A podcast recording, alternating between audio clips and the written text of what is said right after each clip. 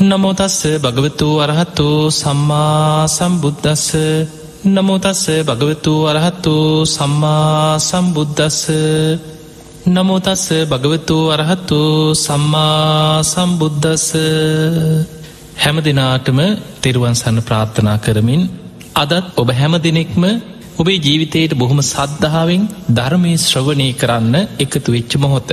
පිංහතුනේ අද දවස අපි පිනාතර අග්‍රම පිනක් බවට පත්වෙන මේ මෛත්‍රී භාවනාව දියුණු කරගන්න කොහොමද. මෛත්‍රිය අපි භාවනාවක් වසයෙන් වගේම මෛත්‍රී කායකර්ම මෛත්‍රී වචී කර්ම අපි පුරුදු කරගන්න කොහොමද. මේ මෛත්‍රයේ තියෙන ආනි සංසමනුවද මේ වගේ කාරණා කීපයක් අද දවස අපි ධර්මාණු ශාසනාව තුළ සාකච්ඡා කරන්න බලාපොරොත්තු වෙනවා. පිංහතුනේ බුදුරජාණන් වහන්සේ පිනාතර අග්‍රම පිනක් හැටියට බුදුරජාණන් වහන්සේ පෙන්වේ මෛත්‍රී සිත වැඩීම. ඔබ අහල ඇති ත්‍රිවිධ පුුණ්ඥයක් ක්‍රියා. දාන සීල භාවන ත්‍රිවිධ පුුණ්ඥයක් ක්‍රියාවන්. මේ ත්‍රිවිධ පුුණ්ඥයක් ක්‍රියාවන් අතර භාවනාමේ පින තමයි අග්‍රම පින බවට පත්වෙන්. බුදුරජාණන් වහන්සේ උපමාවකට පෙන්වා මහනෙන අහස උසට දානි කන්දක් හදල පූජ කරනවටත් වඩා. කෙනෙක් බතක් කිදෙන තරං වෙලාවක් මෛත්‍රී සමාධිය වඩනවනං විශාල් පිනක් ඊටත් වඩා පිනක් ජීවිතය රැස් කරනවා. තවත් උපමාවකින් බුදුරජාණන් වහන්සේ දේශනා කරනවා ගංගානං ගගේ එහා කෙලවරේ ඉදම් මෙහා කෙලවරට දානි ගොඩ ගහලා දුගී මගේ යාචකයන්ට අසරණයන්ට දන් දෙනවා එක පිනක්. හැබැයි ඊටත් වඩා පිනක් රැස්වෙනවා කිරිදූන තරං වෙලාවක් එල දෙනෙකුගේ කිරිදූන තරං වෙලාවක් මෛත්‍රී සමාධී වඩාගන්න පුළුවන්න. ඒ මොහොතේ ඊටත් වඩා විශාල පිනක් කෙනෙගේ ජීවිතය තුළ රැස් කරගන්න. එහෙමනම් අපිට පේනවා මේ මෛත්‍රී සිත මෙත් සිත පැතිරවීම පිනාතර අග්‍රම පිනක් බවට පත්වෙනවා. පිංහතුනී බුදුරජාණන් වහන්සේ මේ මෛත්‍රිය ගැන දේශනා කරද්දි උන්වහන්සේ වදාලේ මෙත්තා භාවේ තබ්බා ව්‍යාපාදස්ස පහනාය. මෛත්‍රිය වඩනවා කියන්නේ භාවිතා කරනවා බහුල වසයෙන් වඩනවා යාන කතා වත්තු කතා යානාවක් වගේ. එතන යානාවක් වගේ කියන්නේ වාහනයක් පදවන රියදුරෙක් හොඳ පලපුරුදු රියදුරෙකුට අනතුරු අලක්වගෙන ඕනැම පුංචි පාරකින් හරි ඕනැම තැනකින් සෙනග පිරිච්ච පාරකින් හරි අනතුරක් නොකර තමන්ගේ වාහනේ පදවගෙන ගිහිලා ආපහු ගමනාන්තයට ලංවෙන්න පුළුවන්. එහෙම පුළුවන් හොඳ දක්ෂ හොඳ හැකියාවක් තියෙන වාහන පදවන්න පුළුවන් හොඳ රියදුරෙකුට. අන්නේ වගේ තමයි භාවනාවට නිතර නිතර භාවනා කරලා භාවනාව වඩලා භාවනාව හොඳට පුරුදු කරගත්ත කෙනෙකුට ඕනම තැනක ඉක්මනින් හිතක් එක කරගන්න පුළුවන්. එහෙම බැරි කෙනා කෙන මට මෙතන භාවනා කරන්න බෑ මට මෙතන නං හරියන්නෑ භාවනාවට මේක හොඳ තැනක්නේ මගේ හිත මෙතන විසිරෙනවා. හැබැයි භාවනා කරලා පුරුදු කෙනාට ඕනම තැනක ඕනම පරිසරයක තමන්ට භාවනා නිමිත්ත සිහි කරලා ඒ මොහොතේ සැනින් හිත එක කරගෙන සමාධීයට සමවාදින්න පුළුවන්. එනිසා යානාවක් වගේ ඒ භාවනාව පුරුදු කරගන්න කියන. එනිසා පිංහතුනේ මෛත්‍රිය පුරුදු කරගන්න කෙනා ජීවිතයේ හැම මොහොතෙම පුුණ්‍ය ගංගාවක් ජීවිතයට ගලන කෙනෙක් හැටියට බුදුරජාණන් වහන්සේ පෙන්නවා. හැබැයි මේ මෛත්‍රී භාවනාවේදී මෛත්‍රී කායකර්ම මෛත්‍රී වචීකර්ම මෛත්‍රී මනෝකර්ම හැටියට පුරුදු කරන්නට ඕන. එතන මෛත්‍රී කායකර්ම කියලා කියන්නේ කයමුල් කරගෙන මෛත්‍රී සහගතව ඔබේ කය හසුරෝගන්නවා. තැන් හිතන්න කයමුල් කරගෙන නේද ප්‍රාණගාත කරන්න සත්තු මරනෝ. කෙනෙකුට මේ ප්‍රාණගාති බුදුරජාණන් වහන්සේ විස්තර කරන්නේ කිසිම සතුන් ගැන අනුකම්පාවක් නැති කරුණා මෛත්‍රයක් නැති. ඊළඟට ලේ තැවුරුණු අත් ඇති සතුන්ට කපන කොටන ආයුධාරගෙන හිංසා පීඩා කරන මේ වගේ ප්‍රාණගාත විස්තර කරපු අවස්ථා තියෙනවා. එදකොට අපිට පේනවා ලුද්දෝ ලෝහිතපානී හත පහත නිවිත්තෝ එතකොට මේ වගේ කාරණාවලින් බුදුරජාණස්වෙන් ලේ තැවරුණු අත් ඇති ලේ පෙරක් දැම් බලන්නොයි සත්තු මරණ ප්‍රාණගාත කරන හරක් මරණ ඌරමරණ මිනිස්සු ඇඟ පුරා ලේ ගාගෙන කිසිම කරුණා මෛත්‍රයක් නැතුව සත්තු ගැන අනුකම්පාවක් නැතුව ප්‍රාණගාතීම ඉදෙන පවකාරයව ඉන්නවා. ඔවුන්ට අනේ පව් අනේ පව් කියලා කිසිම හැඟීමක් සතෙක් ගැන අනුකම්පාවක් මෛත්‍රී සිතක් ඇතිවෙන්නේ. ඒ නිසා බුදුරජාණන් වහන්සේ පෙන්නනවා මෛත්‍රී සහගත කෙනාට සතුන් ගැන මෛත්‍රියක් පුරුදු කරපු කෙනා තමයි ප්‍රාණගාතයෙන් වලකින්. එයා තමා උපමා කරගෙන හිතනවා. අත්තානං උපමංකත්වා. තමා තමා උපමා කරගෙන හිතනවා. මම කැමතිද කවුරුවත් මට මේ වගේ ආවිධවලින් මගේ බෙල්ල කපනවට. මාට මාව හිංසාාවට පත්කන මගේ මස්ටික කපාගෙන කනුවට කවුරුත් කැමතිනේ. ඒ වගේ තමයි මේ ලෝක අනික් සත්‍යය. එහෙම හිතලා ප්‍රාණඝාතයෙන් වලකිනවා. අන්හෙමනම් තමා තමා උපමා කරගෙන මෛත්‍රී සහගත වනෙක් සත්වයන් ගැන හිතන්න පුළුවන් කෙනා තමයි ප්‍රාණඝාතයෙන් වලකින් ඒක මෛත්‍රී කාය කර්මයක්. ඊළඟට හොරකමේ දිච්ච කෙනා හොර සිතක් ඇතිවෙන්න කොටම හිතනවා මම කැමතිද මගේ දෙයක් කවුරු හරි හොරකං කරගන්නවට. තමන් ආසකරපු තමන් ඇලුම් කරපු තමන් දුක්විඳල හම්බ කරලා තමන් රැකගන්න දෙයක් තමන්ට අහිමි වුණොත් කොච්චර වේදනාවක් මට ඇති වෙනවද. ඒ වගේම තමයි මේ ලෝක අනික්ම නිස්වානික් අය ඒ අයගේ දෙයක් නැතිවුණොත් ඒ අයට කොච්චරනං වේදනාවක් ඇති වෙනවත්. ඒ නිසා කවදාවත් මං අනුන්ගෙ දෙයක් නොදුන් දෙයක් අන් සතු දෙයක් සොරකං කරන්නේ නෑමයි කියලා. අන්න මෛත්‍රී සාගත කෙනා තමයි අනිත් අය ගැනත් ඒ විදිහට හිතලා සොරකමෙන් වලකින්නේ. අන්න මෛත්‍රයක් තියෙන් ඕන සොරකමෙන් වලකින්නනම්. ඊළඟට වැරදි කාමසේවනයට හිත නැබුරු වෙච්ච. කෙනා හිතනවා තැන් පවුල් ජීවිතයක් ගත කරන කිසිම කෙනෙක් කැමතිනෑ තමන්ගේ පවුලට තවත් පිටස්තරේ ඇතුල් වෙලා පවුල් අවුල් කරලා පවුලේ නොඒක් ප්‍රශ්න ඇති කරලා තමන්ගේ බිරිඳ එක් හරි තමන්ගේ ස්වාමිය එක් හරි කවුරු හරි පිටිං ඇතුල්වෙන කෙනෙක් තමන්ගේ පවුල් ජීවිතය විනාස කරලා යනවට කෙනෙක් කැමතිනෑ අන්න එහෙමනං හිතනවා මම කැමතිනෑ මගේ පවුල කවරුත් බාහිර පුද්ගලෙක් ඇවිල්ල පවුලට ඇතුල්ලෙලා පවුල අරබුද ඇති කළ විනාස කරනවා. එහෙමනම් මමත් තව අන් කෙනෙකුට අයිති අන් සතු දේකට ඒ වගේ ලොල් වෙලා ඒ පවුල් ජීවිතවලට බලපෑම් කරලා ඔවුන්ගේ ජීවිත විනාස නොකළ යුතුයි. ඒ නිසාමං කවමදාවත් වැරදිකාම සේවනයකේ දෙන්නේ නෑ කියලා. අන්න මෛත්‍රී සාගතව හිතන කෙනාමයි අනුන් ගැනත් කරුණා මෛත්‍රියෙන් හිතලා කායිකව තමන්ගේ කයින් කෙරෙන අකුසල්වලින් වලක්වගන්න. එහෙම කෙනා ප්‍රාණගාතයෙන් වලකිනවා හොරකමින් වලකිනවා වැරදිකාම සීවනින් වලකිනවා කය මුල් කරගෙන කෙරෙන සියලුම අකුසල් වලින් වලකිනවා විතරක් නෙමෙයි. එයා හිතනවා මගේ කයමුල් කරගෙන කිසිම කෙනෙකුට හිංසාවක් පීඩාවක් නොවේවා කියෙන සිතුවිල්ලෙන් මෛත්‍රී සහගතවම තමන්ගේ කය හසුරවා ගන්නවා. ඊළඟට එයා වච්චනය ගැන හිතනවා. වචනයෙන් කෙරෙන අකුසල් තියෙනවා බොරුව කේලම පරුස්ස වචන හිස් වචන වචනෙන් විශාල අරබුද ඇති කරන්න මිනි මරවන්න පුළුවන් වචනවලින් කේලං කියලා කොච්චර පවුල් ප්‍රශ්න ඇති කරනවා. ඊළඟට පවුල් පවුල් අතර විශාල වෛරක්කාරව ඇතිකරවනවා වචනය තුළේ. ගම් නගර ඊළඟට ජාතිබේද ඇතිකරවන්න පුළන් කුලබේද ඇතිකරවන්න පුළුවන් මිනි මරවන්න පුළුවන් රටවක් අවුලුවන්න පුළුවන් රටරටවල් අවුලුවන්න පුළුවන්. ලෝක නායකයෙකුට වචනය තුළින් පුළුවන් ලෝක යුද්ධයක් ඇති කරවන්න. ඒ වගේ විශාල වසයෙන් මේ වචනය මුල් කරගෙන මහ භයාන කරබුද ඇති කරවන්න පුළුවන් සමහර වචන තියන පරුස වචන පියෙන් අයිනවගේ වචන තියෙනවා. එතකොට කෙනෙක්ගේ හිතක් රිද්ධවන්න පුළුවන්. නොමර මරන්න පුළුවන් ජීවිත කාලිම සමහරු යම් යම් වචන නිසා ජීවිතේම හිතහිතා පසු තැවෙනවා. ඒවා සිහිකර කර දුක්වෙනවා. ඒ නිසා මෛත්‍රී සහගත කෙනා හිතනවා අවදාවත් මගේ වචනයක් මුල් කරගෙන. තව කෙනෙකුට කිසිම කෙනෙකුට හිංසාවක් පීඩාවක් නන් නොවේවා කියලා හිතනවා. එහෙම හිතනකොටයා අර විදිහටම අත්තානං උපමංකත්වා තමා තමා උපමා කරගෙනයි හිතන්. දැන් කවුරුත් කැමතිද බොරු කියලා ඔබ කැමතිද ඔබ කවරුහයි රවට්ටලෑනවට ඔබ අමාරු විධානුවට මුලා කරනට ඔබ කැමතිනෑ එහෙම නං හිතනවා මමත් බොරුවෙන් තව කෙනෙක්ක මුලා නොකළ යුතුයි.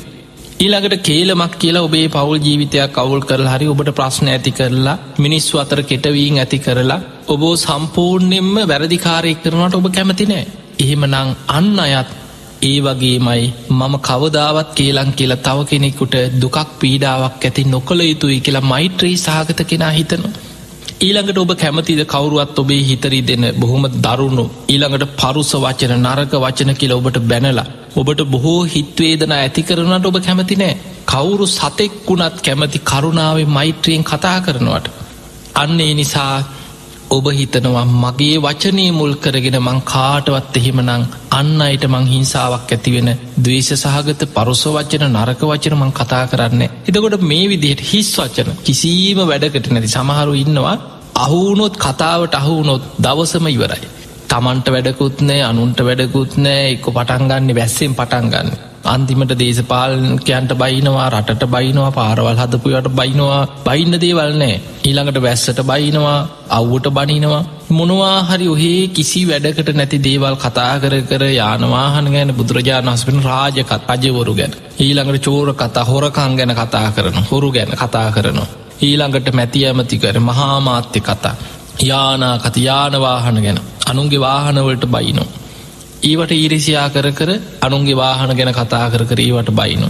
ඊළඟට වත් කතා ඇඳගෙන ඉන්න වස්්‍රවලට අනුන් ඇඳගෙන යනවා ඇඳුම් පැළඳුම් ගැන දැකලා ඒවට ඊරිසියාය බැන බැනයි. මිනිස්සුන් ඉන්නවා කතා කරන්න දේවල් නැතිවුණ හම ඒ කට ඇරියොත් තියෙන්නේ ඉරිසියාවක් වෛරයක් දවේශයක් මත අනුන් විවේචනය කර කර අනුන්ගේ අඩුපාඩු ගැන කතා කර කර කෙලෙස් සහිත කතාවල් වලමයි යෙදෙන්නේ. එතකොට එවැනි පුද්ගලයා මුණ ගැහිච්ච ගමන් නුව නැති කෙනා මගහැරල යන්න ඕන. ඒ කතාවට වැටුන කියන්නේ අකුසල් ගොඩක් හිතට රැස්වෙන ස්වභාවය. ඒ නිසා එවැනි හිස් වචන කතා කරන බොරු තමන්ට වැඩකුත්නෑ අනුන්ට වැඩකුත්නෑ අකුසල් පිරෙන ඉරිසියා වෛරයේ දවේශය තුළ අනුන් ගැන කතා කරන එවැනි පුද්ගලයන් නිසා විශාල අකුසල් ගොඩක් රැස්සෙන. ඒ නිසා ඔබ යමක් ඔබේ වචනය මුල් කරගෙන කතා කරනවනං හැමවිලීම හිතන්න එක සුභහසිතයක් වෙන්න ඕන.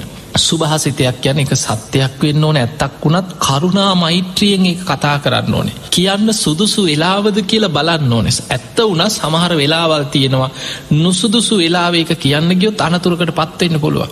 ඒ නිසා සුදුසු වෙලාව තියෙන්න ඕන. ඊළඟට කරුණාවේ මෛත්‍රියෙන් එක කියන්න ඕනේ. බොහොම මෘදු මොලොක් භාසාාවක් භාවිතා කරන්න ඕන. ඇත්ත වනත් ගහගන්න වගේ සැරෙන් කියන්න ගිය සමහරලාවට ඒ පුද්ගලට කේන්ති යන්න පුළුවන්. ඒ නිසා මෘදු මොලොක් භාව වචනවලින් ඒක කියන්නට ඕන ඒ වගේ නුවන භාවිතා කරලා තමන් කතා කරන හැම වචනයක් තුළම හිතනවා මගේ වචනය මුල් කරගෙන කාටවත් හිත්‍රිදීමක් ඇති නොවේවා. කිසිම කෙනෙකුට හිංසාවක් පීඩාවක් ඇති නොවේවා. කිසිම කෙනෙකුට දුකක් චිත්ත පීඩාවක් නං ඇති නොවේවා. මම මගේ වචනය බොහොම සිහිනුවනින් කාටවත් හිතක් රිදෙන් නැතිවෙන විදිහට වචන භාවිතා කරනවා කියලා මෛත්‍රී සාගත සුභාසිත වචන කතා කරනවා. අන්නයා වචනයෙන් මෙත් පතුරෝණ කෙනෙ. එතකොට මෛත්‍රී කායකරම මෛත්‍රී වචී කරම. ඔය විදිහට තමන්ගේ කය වචනය මෛත්‍රී සහගතව හසුරුවන්න පුළුවන්නන් අන්නයාට පුළුවන් සියලු සත්‍යයෝ සුවපත්තේවා කියලා අප්‍රමාණ ක්‍රමේටත් මහක්ගත ක්‍රමේටත් මෛත්‍රයේ සිත භාවනාවක් වසෙන් වඩන්න පුළුවන් ඒ විදිහේ හිතක් ඇති කෙනෙකුට තමයි. එනිසා පිංහතුනේ මෛත්‍රයේ කායකර්ම වචේ කර්ම හරියට ගත්තොත් එතන තියෙන සිල්වත්කම. කය මුල් කරගෙන කර නකුසල්වලින් වලකිනවා වචනයෙන් කෙරෙන අකුසල්වලින් වලකිනවා කියන සම්පූර්ණ සීලේ. එතකොට සීලයක් තුළ තමයි භාවනාවක් වැඩෙන්නේ. මෛත්‍රී සහගත කෙනා තමයි කරුණා මෛත්‍රියෙන්ම සිල් රකින්නේ. එයාට තමයි සියලු සත්‍යයෝ සුවපත්තේවා කියලා හදවතින්ම මෙත් පතුරෝලා මෛත්‍රී සිතක් භාවනාවක් වසයෙන් දියුණු කරගන්න පුළුවන්කම ලැබෙන. අපි චුට්ටක් මෛත්‍රී භාවනාව කරන ආකාරය ගැන විමසල බලමු. ඔබට මතක ඇති ඔබ කවුරුත් දන්න දේශනාවක් තමයි කරණීයමෙත්ත සූත්‍රය. මේ කරණීමෙත සූත්‍ර දේශනා කරන්න බුදුරජාණන් වහන්සේට හේතු විච්ච කාරණයක් තියෙනවා ඒ තමයි එදා බුදුරජාණන් වහන්සේකින් අවසරාරගෙන පන්සීයක් විතර භික්‍ෂූන් වහන්සේලා පිරිසක් හිමාල වනාන්තරයේ ආශ්‍රිත ප්‍රදේශයකට වැඩම කරා භාවනා කරගෙන කැලේ හිත වඩාගත්. බුදුරජාණන් වහන්සකින් අවසර අරගෙන උන්වහන්සේලා කැලේට ගිය භාවනා කරා. හැබැයි මේ මහ වනාන්තරයේ මේ උන්වහන්සේලා වැඩම කරපු ප්‍රදේශයේ බොහෝ උක්ෂ දේවතාවරු ගස් ඉහල විමාන හදාගෙන හිටියේ අතර අමනුස්යොත් ඉන්නවා කැලේ යක්ෂයෝ අමනුස්යෝ උක්ෂ දේවතාවරු නොයෙක් විමාන මවාගත්ත නොපෙනෙන බොහෝ පිරිසක් මේ මහ වනාන්තරය ඉන්නවා. මේ ස්වාමීන් වහන්සේලා පිරිස වනාන්තරයට ගිහිල්ල ගස්යට සුද්ධ පවිට්ට කරගෙන උන්වහන්සේලා භාවනා වඩන්න පටන්ගත්. මේ ස්වාමීන් වහන්සේලා බොහෝම සීලවන්තයි. එතකොට උන්වහන්සේලාට ඉහල අර දේවතාවරුන්ට ඒ අතර මිත්‍යා දෘෂ්ටික දේවතාවරු බොහොම ඉටිය. එතකොට මේ අමනුස්්‍යයන්ට මේ පිරිසට උක්ෂ විමාන කරගත් මේ දෙවි දේවතාවරුන්ට මේ උන්වහන්සේලාට ඉහලින් ඉන්න බෑ ඒක උන්වහන්සේලට කරදරයක්. ඒ විලේ කල්පනා කරා මේ අපි නිදහසේ මේ විමාන මවාගෙන මහ වනාන්තරේ කාලයක් හිටිය. දැම් මේ භික්‍ෂූන් වහන්සේලා පිරිසක් කැලේට ඇවිල්ල ගස්සයට භාවනා කරනවා. අපිට අපේ විමානවල ඉන්නත් බෑ. අපිට මහ කරදරය කෝමරි උන්වහන්සේලා මෙතනින් පන්නන්න ඕන කෙළ හිතුව. එහෙම හිතපු මේ පිරිස මේ අමනුස්ස පිරිස මහා භයානක සබ්ද ඇතිකරවන්න පටන් ගත්ත. ගස් කඩාගෙන වැටිනවා වගේ භයානක සබ්ද ඇති වෙනවා. නොෙක් භයංකාර හඬ ඇති වෙන හෙන ගහනව දෙදරනවා වගේ. පොලෝ පෙරලෙනවා වගේ ගල් පෙරලීගෙන එනවා වගේ මහා භයානක හඬ ඇති වෙනවා. මේ භික්‍ෂූන් වහන්සේලා මාර්ග පල්ලාබින් තාම රහතන් වහන්සේලා නෙමෙයි තින් උන්වහන්සේලාට බිය තැති ගැනින් ඇති වුණා. උන්වහන්සේල කල්පනා කරානේ අපිට වෙච්චදේ අපි මේ භාවනා කරන්න හිතාගෙන නේද මේ මහ වනාන්තරයටාවේ. නමුත් දැන් අපිට මහ භයානක දේවල් මේ වනාන්තරයේ සිද්ධ වෙනවා. අපි ආපහු යන් කියලා මේ පිරිසම බුදුරජාණන් වහන්සේ මුණ ගැහෙන ආපහු ජේතවනාරාමිටම වැඩිය ඉහිලකිවනේ ස්වාමිණී භාකතුන් වහන්ස අපි බෝම සද්ධාවෙන් භාවනා කරන්න හිතාගෙන මේ වස්කාලි තුළ මේ මහ වනාන්තරයට ගිය. නමුත් මේ වගේ මහ භයානක දේවල් මේ වනාන්තරයේ සිද්ධ වෙනවා.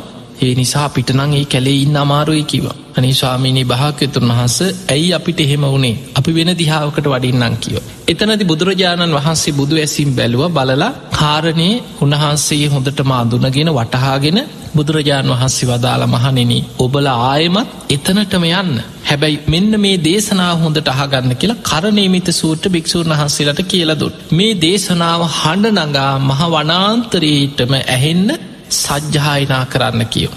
නිතර දෙවේලේ උදේ දවල් හවස හැමදාම මේ දේශනාව සජ්්‍යායනය කරන භික්‍ෂූන් වහන්සේලා. හැමෝට මැහෙන්න කැලේ ඉන්න සත්වයන්ට අමනුස්්‍යයන්ට මේ වට ඉන්න අයට ඇහෙන්න පිරිත් කියන වගේ කරණමිත සූට්ට සජ්්‍යායනා කරන්න. ඒ දේශනාවම භාවනාවට අරගෙන ඒ දේශනාව ඔස්සේම ඔබල මෛත්‍රී භාවනාව වඩන් කරණනිමිත සූට්‍ර බුදුරජාණන් වහන්සේ කියල දීලා මේ භික්‍ෂූන් වහන්සේලාව ආයමත් මේ භූමියට මර කලින් හිටපු මේ වනාන්තරයටම වඩින්න කියල පිටත් කර. උන්වහන්සේලා මේ භූමියටම ගිහිල්ලා පිරිස එකතු වෙලා මේ දේශනාව මහා හඬින් සජ්්‍යහයනා කරන්න පටන්ගත්. එහෙම සජ්්‍යහයනා කරනකොට මුළු මහ වනාන්තරයේ පුරාම පැතිරෙන් පටන්ගත්තේ උන්වහන්සේලාගේ මෙත් සිත මෛත්‍රිය තමයි මේ කරණීමෙත සූත්‍ර තියෙන් සියලු සත්‍යයන්ට මෛත්‍රී වැඩීම දැම් බලන්න කරණීමිත සූත්‍රයෝ බහල ඇති දීගාවා දීර්ග සරීර ඇති සත්වයන් මහන්තාවා මහත සරීර ඇති සත්වයන්ට මෙත් වඩනු. මජ්ජිමාවා මධ්‍යම ප්‍රමාණ සරීර ඇති සත්වයෝ ඉන්න. රස්ස කුඩා සතුන් ඉන්න. අනුක තූලාවා එතන අනුක කියන්නේ ඇහැට නොපෙනෙන සියුම් සත්‍යය. ඇත්තේ මද බොහෝ දෙනෙක් ඕක විශ්වාස කරන්නේ අන්වීක්ෂේ හොයාගත්ත නිසා බලලා කියන ඇත්තනේ නම් මෙහිමෙවුන් ඉන්නවන කියල. හැබැයි බුදුරජාණන් වහන්සේ දිවසිම් බුදු ඇසින් දැකල තමයි ඉදා දේශනා කරේ පියවිය හැට නොපෙනෙන සත්වයන් ඉන්න අය තිරිසංගත සත්ව ලෝකෙට අයිති සත්‍යය. එතකොට ඒ අයටත් මෙත් වඩනවා. තූලාවා වටකුරු යැඩෙන් යුක්ත සත්‍යයක්. දිට්ඨාවා ඒ වද්දිට්ටා දැකල තියෙන සත්තු වගේම ජීවිතයට නොදැකපු සත්වවර්ගඉන්නවා. සබ්බේ සත්තා බවන්ත සුකිතත්වා. මේ සියලු සත්වයෝම සුවපත්තේවා සුවපත්තේවා කියල මෙත් වඩනො මහා හඬින් සජ්්‍යායනා කරනවා. ඊළඟට ඒ කරණයමිත සූට්‍ර සඳහන් වෙනවා සියලු ප්‍රදේශවට උද්දං අදෝච තිරියංච අසම්භාදං අවේරං අසපත්තං. උද්දං කියන්නේ උඩ දිසාාව උඩ දිසාාව කියන්න මේ අහස් කුස ඉන්න ඉහල ඉන්න සියලු සත්වයෝ. අදෝච යට පහල ඉන්න පොළොව ඉන්න මේ පොළොව හාරන්න හාරන්න කොච්චර සත්‍යයන්ද මේ මහ පොළොව ඇසුරු කරගෙන ජීවත්තෙන් ඒ සියලු සත්‍යයන් තිරියංච කියන හාත් පස තියෙන දිසාාව උතුරු දිසාව උතුරු අනු දිසාව නැගෙනහිර දිසාව නැගෙනහිර අනු දිසාව දකුණු දිසාව දකුණු අනු දිසාාව බටහිර දිසාාව බටහිර අනු දිසාාව. එතකොට මේ කියන මේ දස දිසාවම අරමුණු කරලා මෛත්‍රී වඩනවා. ඒ සියලු සත්‍යයන්ට කිසිම බාධාවක් නැතුව වෛරසිතක් නැතුව මෛත්‍රියෙන් හිතනවා සබ්බේ සත්තා බවන්ත සුගිතත්තා මේ සියලු සත්‍යයෝම සුව පත්තේවා. ඊළඟට කරණමිත සූත්‍රය සඳහන් වෙනවා හැම ඉරියව්වෙම තිට්ටන් චරන් නිසින්නවා සයානවා හිටගෙන ඉන්න කොටත් මෛත්‍රියම පතුරෝනෝ. වාඩි වෙලා හිටියත් නිසින්නවා ඒත් මෛත්‍රී සිත පතුරෝනෝ. ඇවිද ඇවිද හිටිය චරං සක්මන් කරන ගමනු මෛත්‍රී සිතම් පතුරෝනවා නිදාගන්න ගියත් සයානෝවා ඇලවෙලා හිටියත් සියලු සත්‍යයෝ සූපත්තේවා කියලා මෛත්‍රී සිතම් පතුරෝනො. එතකොට මේ වගේ හැම ඉරියව්වෙම හැම මොහොතෙම මෛත්‍රී සිත පතුරෝනා මොන විදිහටද? මාතා යථානියම් පුත්තං ආයුසාඒක පුත්ත මනුරක්කේ. එකම දරුවෙක්කින් අම්ම කෙනෙක් එකම පුතෙක්කින් එකම දරුවෙක්කින් අම්ම කෙනෙක් තමන්ගේ දිවි දෙවනි කොට මේ දරුවට ආදරය කරනවා දරුව ආරක්ෂා කරගන්න හිතනවා. ඒ දරුව ගැන හිතන්න යම් සේද ඒවම්පි සබ්බ භූතයසු මේ විදිහටම සියලු සත්‍යයන් ගැන මාන සම්භාවයි අපරිමාණ අප්‍රමාණ මෛත්‍රී සිත පතුරුවන්න කියන. එතකොට ඒ විදිහට මෛත්‍රී භාවනාව හඬනගා මුළු වනාන්තරයට මැහින්න අර කරදර කරපු හිරිහර කරපු බයකරපු එතනින් පන්නන්න හදපු මේ අමනුස්්‍යයන් ආදී ඒ අයටත් ඇහෙනවා මුළු වනාන්තරයට මැහෙන්න හඬනගා සජ්්‍යහයනා කරන්න. එහෙම සජ්්‍යහයනා කරන ගමන් ඒ භාවනාවම භාවනාවක් හැටියට කරණීමිත සුට්ට භාවනාවට වඩන්න කිව. ඒ භික්‍ෂූන් වහන්සේලා මෙත් පතුරෝමින් අප්‍රමාණ ක්‍රමයට මහක්ගත ක්‍රමයට මෛත්‍රී භාවනාව වඩන්න පටන්ගත්තා. ටික දවසක් යන්නකොට අර කරදර බාධාවල් සියල්ල නැතිවෙලා ඒ අයටත් භික්‍ෂූන් වහන්සේලා ගැන මෛත්‍රී සාගත සිතුවිලි ඇති වුණා ඒ අයිට පස උදව්පකාර කරන්න පටන්ගන්න දැම් බලන්න මෙත්තානිසංස සූත්‍රයෙන් මෛත්‍රී ආනිසංස හැටියට සඳහන් වෙනවා මෛත්‍රී භාවනාව වඩන කෙනා දේවතා රක්කන්ති දෙවියන් යා වාරක්ෂා කරනවා අමනුස්සානම් පියෝහෝති අමනුස්්‍යයන්ටත් එයා ප්‍රිය කෙනෙක් බවට පත්වෙන. මනුස්සානම් ප්‍රියෝහෝති මිනිස්සු අතරත්තයා ප්‍රිය කෙනෙක් බවට පත්වෙන. අන්නේ නිසා මේ අමනුස්්‍යයන්ගෙන් පවා ඇතිවෙන කරදර බාදා හිරිහැරවලින් මිදන්නනම්. මෛත්‍රී භාවනාව තමයි භාවනාවක් හැටියට කෙනෙක් පුරුදු කරන්නට ඕන. පිංහතුන අපි චුට්ටක් විමසල බලමු මේ භාවනාව කරන ක්‍රම කීපයක්. බුදුරජාණන් වහන්සේ අපිට පෙන්නනවා මෛත්‍රිය භාවනාවක් වසයෙන් වඩන්න පුළුවන් අප්‍රමාණ චේතෝ විමුක්තිය. ඒක ක්‍රමයක්. ඊළකට මහක්ගත චේතෝයි මුක්තිය ඒ තවත් මෛත්‍රී භාවනා වඩන ක්‍රමයක්. අප්‍රමාණ චේතෝ විමුක්තිය කියන්නේ ප්‍රමාණ රහිතව. අප්‍රමාණයි කියන ප්‍රමාණයක් කරන්න බෑ.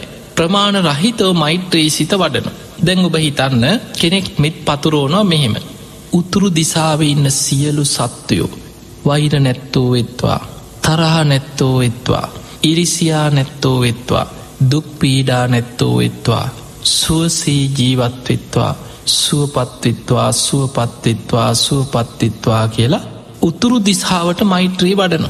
තැන් උතුරු දිසාාව කියන්නේ අනන්තෙට විහිදිලා යනවා එක සීමාවක් නෑ. උතුරු දිසාාව මෙතනින් ඉවරයි කියල ප්‍රමාණයක් නෑ. උතුරු දිසාාව අනන්තෙටම විහිදෙනවා. එතකොට උතුරු දිසාාව තුළ සත්වයන් ගත්තත් තව තව මේ මේ ලෝක විතරන්නෙමේන වෙනත් ලෝකධාතු තව කොච්චර ත්‍රහිසහස්සී දිවිසාහස්සී පංච සහස්සී මේ විශ්වය ගැන ගත්තහම අනන්ත විශ්වය තුළ අනන්තෙට විහිදිලායන උතුරු දිසාාව තුළ මොනතරන් සත්වයන් සත්ව ලෝක ඇද්ද ඒ සියලු සත්‍යයන් සබ්බේ සත්තා බවන්ත සුකිතත්වා එතකොට උතුරු දිසාව අරමුණු කරගෙන ඔබ දිසාවසේ මෛත්‍රී වඩනවනං ඒ භාවනාව අප්‍රමාණයි අප්‍රමාණ චේතෝයි මොක්තිය ඒ විදිහමයි උතුරු අනුදිසාව ඉන්න සියලු සත්‍යයෝ. දැන් හිතන්න මේ මොන භාවනාව කරත් ඔබ පලවෙනියටම පටන් ගන්නේ තමන්ට මෛත්‍රී වඩලා. අත්තානං උපමං කත්වා තමා තමා උපමා කරගෙන තමයි අනෙක් සත්වයන්ට අපි මෙත් වඩන්නට ඕන මෛත්‍රී භාවනාවටත් ඒක ඒ විදිහටම අදාලයි. ඒ නිසා ඉස්සරලාම භාවනා කරන කෙනෙක් පහසු තැනක් සුදුසු තැනක්. අපි භාවනාවට සුදුසු පරිසරයක් හොයාගන්න ඕන්. හිතන පරිසරයක් කියන්නේ අපිට කරදර බාධා නැතුව තැන් අපි හිතම ගෙවල්ලොල දැන් සමාලාට දරුවෝ ගෙවල්ලොල අය ටීවි බල කතා බලනු ආසාාව ඔය මැද්ද ගිහිල වාඩි වෙලා භාවනා කරන්න පුළුවන්කමක් නෑන් ඒ නිසා තමන්ගේ කාම්බරී හරි කරදර නැතුව හිත විසිරෙන්නේ නැතුව මිනිස්සුන්ගෙන් හරි ඒ ඉන්න ගෙදරයගෙන් හරි කරදරයක් බාධාවක් නැති පොඩ්ඩක් නිදහසි භාවනා කරන්න පුළුවන්. නිදහස් තැනක් හොයාගන්නවා භාවනා කරන්න. බුදුන් ඇඳල තුනුරුවන් වන්දනා කරලා තමන්ගේ සීලේ මෙනෙහි කරලා භාවනාවට වාඩි වෙන. ඒම භාවනාවට වාඩි වෙලා දැන්මි කරණීමිත සූත්‍රයේ නම් එකම ඉරියව්වක් කියලා නෑ ඉඳගෙනම මේක කළ යුතුයි කියලා නෑ. තිට්ටන් චරන් නිසින්නවා සයනවා. ඉඳගෙන භාවනා කරන්නත් පුළුවන් හිටගන්න පුළුවන් සක්මන් කරන්න පුළුවන් නිදාගන්න ගියත් හැම වෙලේම මෙත්සිත පතුරුවන්න පුළුවන්. තැන් අප හිතම වාඩි වෙලාව භාවනා කරනවා කියල ඉස්සල්ලාම තමන්ගේ ශරීරය ගැන හිස් මුදුනේ දම් පාදාන්තෙ දක්වාම ඔබ ගැන ඔබ ඉරියව්ව ගැන තමන් ගැන හොඳට අවධාන යොමු කරගෙන තමන්ට මිත් වඩනවා කීප වතාවක්. මම නිදුක්වෙම්වා නිරෝගිවෙම්මා සුවපත්වෙම්මා වෛර නැත්තෙක්වෙම්මා තරහා නැත්තෙක්වෙම්මා ඉරිසියා නැත්තෙක්වෙම්මා දුක්පීඩා නැත්තෙක්වෙම්මා සුවසේ ජීවත්තෙම්මා සුවපත්තෙම්මා සුවපත්තෙම්මා කියලා නැවත නැවතත් තමන්ටම මෛත්‍රී වඩනවා. එදකොට තමන්ට එහෙම මෛත්‍රී වඩනකොට තමන්ගේ ශරීරයේ තුළම හිත පිහිටල තමන් ගැන හොඳ මෙත් සිතක් තමන්ට පැතිරෙත් දැ මේ ලෝකෙ හැමෝම අපි ඔය කොච්චර සමහරු කතා කරත් වැඩිපුරම හැම මනුස්්‍යයාම ඇලුම් කරන්නේ ආස කරන්නේ ආදරය කරන්නේ තමන්ට තමන් ගැන හිතනවා. ඒ නිසා තමන්ට මෛත්‍රී වඩලා තමා තමාට මෛත්‍රී පතුරුවන්නේ යම් සේද.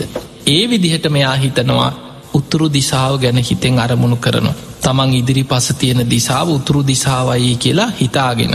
මොක දැම් මේ භාවනාව කරනකොට මාලිමාවක් ඔයාගෙන හරියට උතුරු දිසාවල්ලලා එහෙම කරන්න අවශ්‍ය එහෙම කරන එකක් නෙමේ. ඒ නිසා අපි මේ තියෙන හැම දිසාවකටම කරනවන. ඒ නිසා තමන් ඉදිරි පස තියෙන දිසා උතුරු දිසාවයි කියෙන අරමුණෙන් හිතනවා උතුරු දිසාව ඉන්න සියලු සත්‍යය තමන් හිතයොමු කරන මේ උතුරු දිසාාවට. ඒ ඉන්න සියලුම සත්‍යයෝ වෛර නැත්තෝ වෙත්වා තරහ නැත්තෝ වෙත්වා ඉරිසියා නැත්තෝ වෙත්වා දුක්පීඩා නැත්තෝ වෙත්වා සුවසේ ජීවත්වෙත්වා සාන්ත සුවයට පත්වෙත්වා සුවපත්වෙත්වා ඊළඟට නිදුක්වෙත්වා නිරෝගි වෙත්වා සුවපත්වෙත්තා ඒ වගේ හොඳට සිහිකර කර සිහිකර කර නැවත නැවතත් උතුරු දිසාවටම හිත පතුරෝනු. හිත විසිරෙන්න්න පුළුවන් නොඒක් දේවල් මතක් එන්න පුළුවන් ආයමත් හිතරන්නෑ දැම්මම් භාවනා කරන්න මේ වාඩි වුණේ මං මේවා හිතන්නෑ කියලා හිත වෙන පංච නීවරණවලට කෙලෙස් සහිත අරමුණුවලට හිත දුවනකොට ආයමත් ඔබ භාවනාරමුණට හිතාරගෙන ඇවිල්ලා භාවනා නිමිත්තේ හිත පිහිටව ගන්න දක්ෂ වෙන. එහෙම භාවනා කරගෙන කරගෙන යනකොට ඔබේ හිත ඒ උතුරු දිසාව තුළ තැම්පත්වෙනවා. ඊළඟට හිතනවා උතුරු අනු දිසාව අනන්තෙට විහිදෙනවා. මේ උතුරු අනු දිසාව ඉන්න සියලූම සත්වයොත් නිදුක්වෙත්වා නිරෝගිවෙත්වා සුවපත්වෙත්වා කියලා උතුරු අනු දිසාාවටත් මෛත්‍රී වඩන. ඊළඟට නැගෙන හිර දිසාව නැගෙන හිර අනු දිසාාව දකුණු දිසාව දකුණු අනු දිසාාව බටහිර දිසා බටහිර අනු දිසාාව උඩ දිසාාව යට දිසාාව දැන් ඔක්කොම ගත්තු දිසාවල් දහයක් තියෙනවා.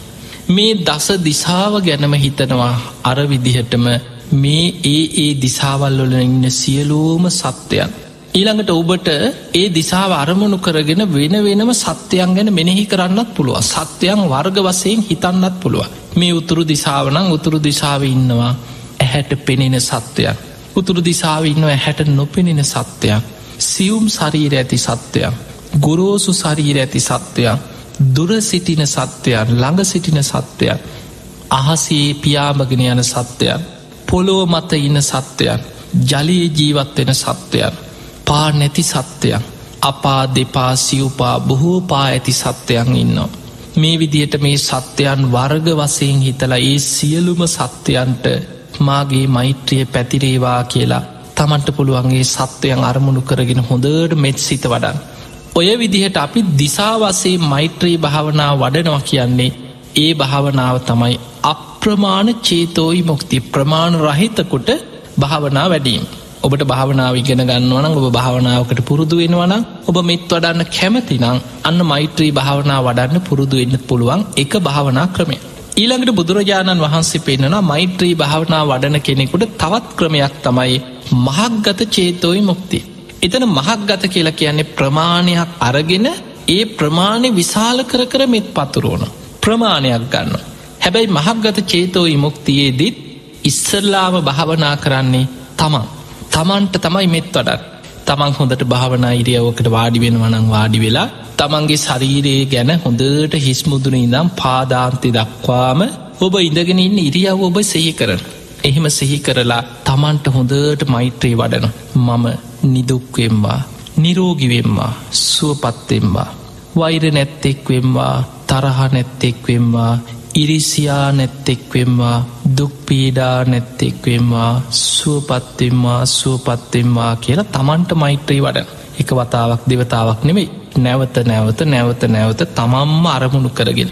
හිත විසිරෙන්න්න ඉඩ නොදී හැබැයි හිතේ ස්භාවේ තමයි හිත පංච නීවරණ ඔස්සේ දුවනවා හැමවෙලේම්. ඔබ මම නිදුක්වෙම්වා කියලා තමන් ගැන මෙනෙහි කරගෙන යනකට ඔන්න ගෙදර මතක්කෙන. දරුව ගැන මතක්කෙන්න්න පුළුව. පිටරටයින් නෑදෑයෙක් ගැන සිහිවෙන්න පුළුවන්. ඊළඟට නොඒක් අරමුණුවලට හිතට දුර ඇත ගමන්තින. දූරංගමං ඒක චරන්. හිත දුර ඈත දුවනවා. නොඒක් අරමුණ ඔස්සේ දුවනවා. හැබැයි දැන් ඔබ භාවනා කරන්න සූදානං වෙච්ච වෙලා ඒ නිසා හිතනවා මම දැම් භාවනා කරන කෙනෙක් මං මේ වහිතන්නෑ කියලා අර බාහිර අරමුණුවලට දුවන හිත උත්සාහයෙන් වීරියෙන් ආයමත් ඔබ භාවන අරමුණට ගේනවා. පිංහතුනේ භාවනාවක් දියුණු කරගන්න නං ඔබට අවශ්‍යම තවත් අංග තුනක් තියෙන ඔබ තුළ ඒ තමයි ආතාපි සම්පජානෝ සතිමා ආතාපි ගැන කෙලෙස් තවන වීරියක් ඔබට තියෙනට ඕන සම්පජාන සම්පජාන ගැන හොඳ නුවනක් ඔබට තියෙන්න්නට ඕන. සතිමා කියන සතර සතිපට්ඨානය ගැන යොමු කරගත්ත හොඳ සිහියක් පවත්තන්න පුළුවන් වෙන්නට ඕන. ඔන්න ඔය හොඳ සිහිය නුවන වීරිය කියන කරුණු තුන යොදාගෙන තමයි අපි හිත දමනය කරගෙන භාවනා නිමිත්ත හිත පිහිටවන්න. හිත විසිරිච්ච ගමන් සිහියෙන් ඉන්න කෙනාට තේරෙනවා දැන් භාවන අරමුණෙන් පිටතට මගේ හිත විසිරිලා. නුවනින් ඒක ආදීනව මෙනෙහි කළ මං භාවනා කරන කෙනෙක්. මං මේවා හිතන්නෑ කියලා ආපහු භාවන අරමුණට හිතගේ නවා එහෙම ගේන්න වීරියත් අවශ්‍ය එතකොට සිහිය නුවන වීරිය කියන කරුණු තුනම එතන එකතු වෙලා තමයි ඔබේ භාවනා වැඩෙන්න්න පටන්ගන්න ඒ නිසා මහක්ගත ක්‍රමයට භාවනා කරනකොටත් තමන් අරමුණු කරගෙන හොඳට තමන්ට මෙත් වඩනවා. දැන් ඔබට මතක ඇති අප්‍රමාණ ක්‍රමයට භාවනා කරනකොට අපි දිසාවසයෙන් තමයි භාවනා වැඩුවේ. මහක්ගත භාවනාවේද අපි දිසාවසයෙන් නෙමේ ප්‍රමාණ වසයෙන් භාවනා කරනවා පුංචි ප්‍රමාණයක් ගන්න දැන් තමන්ට මෛත්‍රී වඩලා හිට පස්සේ ප්‍රමාණයක්. ඔබ ගෙදර ඉනම් භාවනා කරනලන් හිතනවා මගේ නිවසේ ඉන්න සියලු සත්‍යයෝ දැන් ගෙට ප්‍රමාණයක් තිනන් ගෙයි හතර කොනක් තිය නොසීමාව එතකොට හිතනවා මගේ නිවසේ ඉන්න සියලු සත්‍යයෝ කියලා නිවසේ සීමාව ලකුණු කරගන්න. එහෙම නිවස සීමා කරගෙන මෛත්‍රී වඩනවා මගේ නිවසේ ඉන්න සියලූම සත්‍යයෝ ගෙදර ඉන්නවා අම්ම තාත්ත වෙන්න පුළුව නෑ. දැව ඥාතින් ඉන්න පුළුව ඒ විතරන්නෙමේ ඒගේ ඇසුරු කරගෙන සත්තු ඉන්නවා කූම්බි ඉන්නවා නොඒ සත්වයන් ඉන්නවා. අපිට පෙනෙන නොපෙනෙන කොච්චර සත්තුගේ ඇසුරු කරගෙන ඇද්ද? ඒ සියලු සත්‍යයෝ නිදුක්වෙත්වා නිරෝගිවෙත්වා සුවපත්වෙත්වා වෛර නැත්තෝ වෙත්වා තරහා නැත්තෝ වෙත්වා ඉරිසියා නැත්තෝ වෙත්වා දුක්පීඩා නැත්තෝ වෙත්වා සුවපත්තෙත්වා සුවපත්තෙත්වා කියලා ඒ නිවස ඇසුරු කරගෙන ඉන්න සියලු සත්වයන්ට හොඳ මෙත් සිතක් ඒ ගැනම හිත යොමු කරගෙන මෛත්‍රියම පතුරුවුණු. එහෙම මෛත්‍රී වඩාගෙන වඩාගෙන යනකොට ඒ තුළ හිත එකඟ වෙනවා. ඔබේ නිවස සීමාව ඇසුරු කරගෙන ඔබේ හිත මෛත්‍රිය වැඩෙන්න්න පටන්ගන්න. එහෙම මෛත්‍රී භාවනාව වඩලා දැන් ඔන්න සීමාව ටිකක් විශාල කරනවා. මේ ඉඩමේ ඉන්න සියලු සත්‍යයෝ මේ නිවස සීමා කරගත්ත ඔබේ ඉඩම ඉන්න සියලු සත්‍යයෝ කියලා හිතනවා. එතකොට ගෙයි හතරකොන්ට වඩා ඉඩමේ හතරකොන සීමාව ටිකක් විශාලයි. දැන් අන්න ප්‍රමාණ විශාල කරලා හිතනවා මේ ඉඩම කොච්චර සත්වයන් ඉන්නවාද. පොළො හාරන්න හාරන්න පොළොවෙ කොච්චර සත්තු ඇද්ද. ලිදක් තියෙනවන ලිදේ සත්තු ඉන්නවා ජලයේ පොළොවේ අහසේ ඒ සතරකොන සීමා කරගත්ත භූමිය තුළ ඉන්න සෑම සත්වයෙක්ම නිදුක්කෙත්වා නිරෝගි වෙත්වා සූපත්වෙත්වා වෛර නැත්තෝ වෙත්වා තරහා නැත්තෝ වෙත්වා ඉරිසියා නැත්තෝ වෙත්වා දුක්පීඩා නැත්තෝ වෙත්වා සුවපත්වෙත්වා සුවපත්වෙත්වා කියලා අන්නයා දැන් කරන්නේ තමන්ගේ නිවස සහිත ඉඩම සීමා කරගෙන මෛත්‍රී පතුරුවන. දැන් එහෙම මෛත්‍රී පතුරුවල තවත් සීමාව එහාට විශාල කරනවා. මේ ගමේම ඉන්න සියලු සත්‍යයෝ අන්න දැන් ගමට යනකොට එක ගයක් දෙකක් නෙමේ. ගෙවල් සිය දහස් ගානක් ගමේ තියෙන්න්න පුළුවන් අන්න තව සීමාව විශාල කර. එතකොට එතන සීමාවක් ඇතුවයි මෛත්‍රී වඩන්න දැන් උතුරු දිසාව ගත්තෝ සීමාවක් නෑ. හැබැයි ගම කියල ගත්තහම ගමේ සීමාවක් තියෙනවා. ඒ සීමාව ඇස්ටරු කරගෙන ඒ ගමේ ඉන්න සියලුම සත්‍යයෝ වෛර නැත්තෝ වෙත්වා තරහ නැත්තෝ වෙත්වා අයිරිසියා නැත්තෝ වෙත්වා දුක්පීඩා නැත්තෝ වෙත්වා සුවපත්වෙත්වා කියලා ගමටම මෙත් වඩනවා. ඊළඟට හිතනවා මේ පලාතීම ඉන්න සියලු සත්වීළඟට නගරි ගැන හිතන්න පුළන් පලාත රට ලෝකයේ දැන් ඔබට තේරෙනවා එහෙමනම් මේ විදිහට මෛත්‍රී වඩනකොට අපි ඉස්සල්ලා තමන්ට මෙත් වඩලා පුංචි ප්‍රමාණයක් කරගෙන ඒ ප්‍රමාණි විශාල කර කර විශාල කර කර තමයි මෛත්‍රී සිත වඩාගෙන වඩාගෙන යන්න. ඉස්සල්ලා තමන්ට ඊළඟට තමන්ගේ නිවසේ ඉන්න අයට ඉඩමේ ඉන්න අයට ගමේ ඉන්න අයට නගරේ ඉන්න අයට පලාතට රටට ලෝකේටම දැන් ඉතකොට අපිට පේනවා ප්‍රමාණයක් කරගෙන ප්‍රමාණය ටික ටික ටික ටික විශාල කර කර විශාල කර කර මෛත්‍රී වඩනවානං අන්නේ මෛත්‍රී භාවනාවට කියනවා මහක් ගත චේතෝය මුක්තිය. ඔබට ඔය විදිහටත් සියලු සත්‍යයන් අරමුණු කරගෙන මෛත්‍රී සිත පතුරුවන්න පුළුවන්. එහෙම මෛත්‍රී වඩනකොටත් ඔබට සත්වයන් වර්ග වසයෙන් හිතන්න පුළුව. අර කරණයමිත සූත්‍රීම තියෙන සත්ව වර්ගී කරණය මෙනෙහි කරන්න පුළුව. දැන් අප හිතමු ගම ගැන හිතුව කියලා මේ ගමේ ඉන්නවා. දීගාවා දීර්ඝ සරීර ඇති සත්වයන් ඉන්න. මහන්තාවා මහත සරීර ඇති සත්‍යයන් ඉන්නවා. මජ්ජිමාව මධ්‍යම් ප්‍රමාණ ශරීර ඇති සත්වයන් ඉන්න. රස්ස කුඩා සත්‍යයන් මේ ගමේ කොච්චර නං ඇද්ද. අනුක ඇහැට නොපෙනෙන සත්වයන් කොච්චර නං ඇත්ද. තූලාවා වටකුරු හැඩෙන් එත්තු සත්‍යය කොච්චර නං ඇද්ද. දැකලා තියෙන නොදැකපු සත්තු අහසේ පොළොවේ ජලයේ ඉන්න සත්‍යයන් ඒ වගේ සත්වයන් වර්ග වර්ග වසයෙන් හිතෙන් හිතන්න හිතන්න ඔබේ මෙත්සිත තව තවත් පුළුල් වෙනවා. බාහිර අරමුණ ඔස්සේ හිත විසිරෙන් නැතුව මෛත්‍රී අරමුණේම හිත හොඳට හොඳට තැම්පත් වෙලා වැඩෙන්න්න පටන්ගන්න. අන්නේ විදිහට ඔබට පුළුවන් මේ මෛත්‍රිය භාවනාවක් වසින් වඩන්. පිංහතුනි මෛත්‍රී භාවනාවෙන් පළවෙනි දිහානේ දෙවනි දිහානේ තුන්ගනි දිහානේ දක්වාම දියුණු කරන්න පුළුව. මෙත්තා කරුණා මුදිතා කරුණා භාවනා මුදිතාව කියන කෙනෙක්ගේ දියුණුව දැකළ ඇතිවෙන සතුට. තැම් බලන්න මෛත්‍රිය කියන මිත්‍රත්වය පතුරුණු. කරුණාව කෙනෙකුගේ දුකේද හිත උනුවෙන් අනේ පව් කියලා හිත උනුවෙන කෙනෙක්ගේ දුක තමන්ට දැනෙන ගති. කරුණාව. මුදිතාව කියන කෙනෙක් ඉරිසියාවට ප්‍රතිවිරුද්ධ දේ තමයි මුදිතා. මුදිතාව නැත්නං බලවත්වෙන ඊරිසියා. එනිසා මුදිතාව ගැන කෙනෙක්ගේ දියුණුව දැකලා ඇතිවෙනවා සතුටක් අනේ කොච්චර දෙයක්. අනේස් හොඳයි කියලා. අවංකෝම හදවතින් ඇතිවෙනවා කෙනෙක්ගේ දියුණුව දැකලා ඇතිවෙන සතුටක්. එකටිකෙන මුදිතා. උපේක්ෂාව කියන්නේ දැන් අපි මෛත්‍රී වඩනවා කරුණා මුදිතාව අපි හිතුවත් උපේක්ෂාවිදි හිත මධ්‍යස්ථ ස්භාවීට පත් කරගන්නවා මේ සියලු සත්වයන් කර්මය උපත්තිය කරගෙන කර්මය ඥාතියා කරගෙන කර්මය නෑදෑය කරගෙන කර්මය පිළිසරණ කරගෙන යන සංසාර ගමන. මම අවංකව හිතුවට මේ හැමෝම නිදුක්වෙත්වා කියලා. හැමෝම නිදුක්වෙන්නේ නිරෝගීම වෙත්වා කියලා හිතුවත් මිනිස්සු ලෙඩ වෙනවා. සුවපත්වෙත්වා කියලා හිතුවට මිනිස්සු දුක්විඳිනවා ඒකට හේතුව ඒ ඒ අය කර්මයේ දායාද කරගෙන යන පිරිසක්. කර්මය උපත්තිය කරගෙන යන පිරිසක්. තම තමන් රැස්කරගත්ත කුසලා කුසල කර්මයන්ගේ විපාක තමයි තමන් කරායෙන්නේ.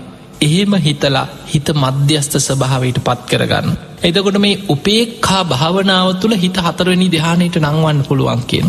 පලවෙනි දෙවනි තුන්වෙනි දෙහානවලට මෛත්‍රයේ කරුණා මුදිතා කියන ඒ භාවනාවල් තුළින් ඉහළම දෙහාන මට්ටංවලට හිත නංවගෙන හතරනි දෙහානයට හිත පත් කරනකොට හිත උපෙක්කා භාවනාව තුළ ඉහලටම හිත පුරුදු කරන්න පුළුවන්. එතකොට මේ හැම භාවනාවකින්ම ඔබේ හිත සංසිදෙනවා. මෛත්‍රිය පැතිරෙනවා.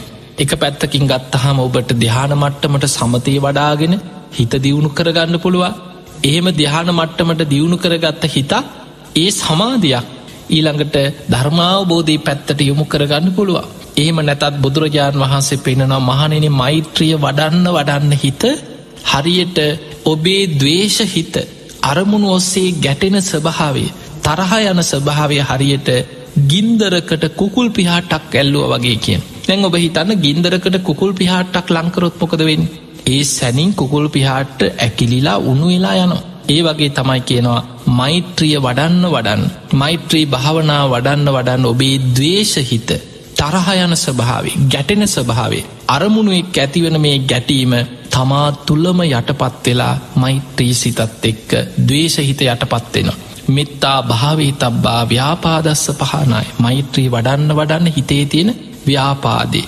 තරහාව පලිගන්න හිතෙන සිතුවිලි. තැන් බලන්න මේ බිහින්සා සිතුලි හිංසා සහිත් කපන්න ඕන කොටන්න ඕන නැති කරන්න ඕන මුං විනාස කරන්න ඕන අපිට මෙහෙම කරා මෙහෙම කර. සමහරු ජීවිත කාලෙම හිතන්නේ තමන්ට වෙච්ච අසාධහරණකං මට අසවලා මෙහෙම කරා. අක්කොච්චිමං අවදිමං අජිනිමං අහාසිමේ මගේ දේ පැහැරගත්තා. මාව පරාජය කරා. මුම් මට මෙහෙම කරා මෙහෙම කරා කියකි අනුන්ට වෛර කර කර මැරෙන්න්න වැටෙනකම් සමහරු මුළු ජීවිත කාලෙම අනුන්ට වෛර කර කර තමයි මුළු ජීවිතයම ඉන්න. ඒ තුළ හැම මොහොතේම අපායගාමි අකුසල් තමයි රැස්වෙන්. ඒ නිසා ඔබ කෙනෙක් ගැන තරහින් වෛරෙන් ඉන්න වෙලාවක බැරි වෙලාවත් ඔබ මැරුණොත් ඔබ කෙලින්ම අපායට යන විදියට තමයි අකුසලේ බලවත් වෙලා තියෙන්.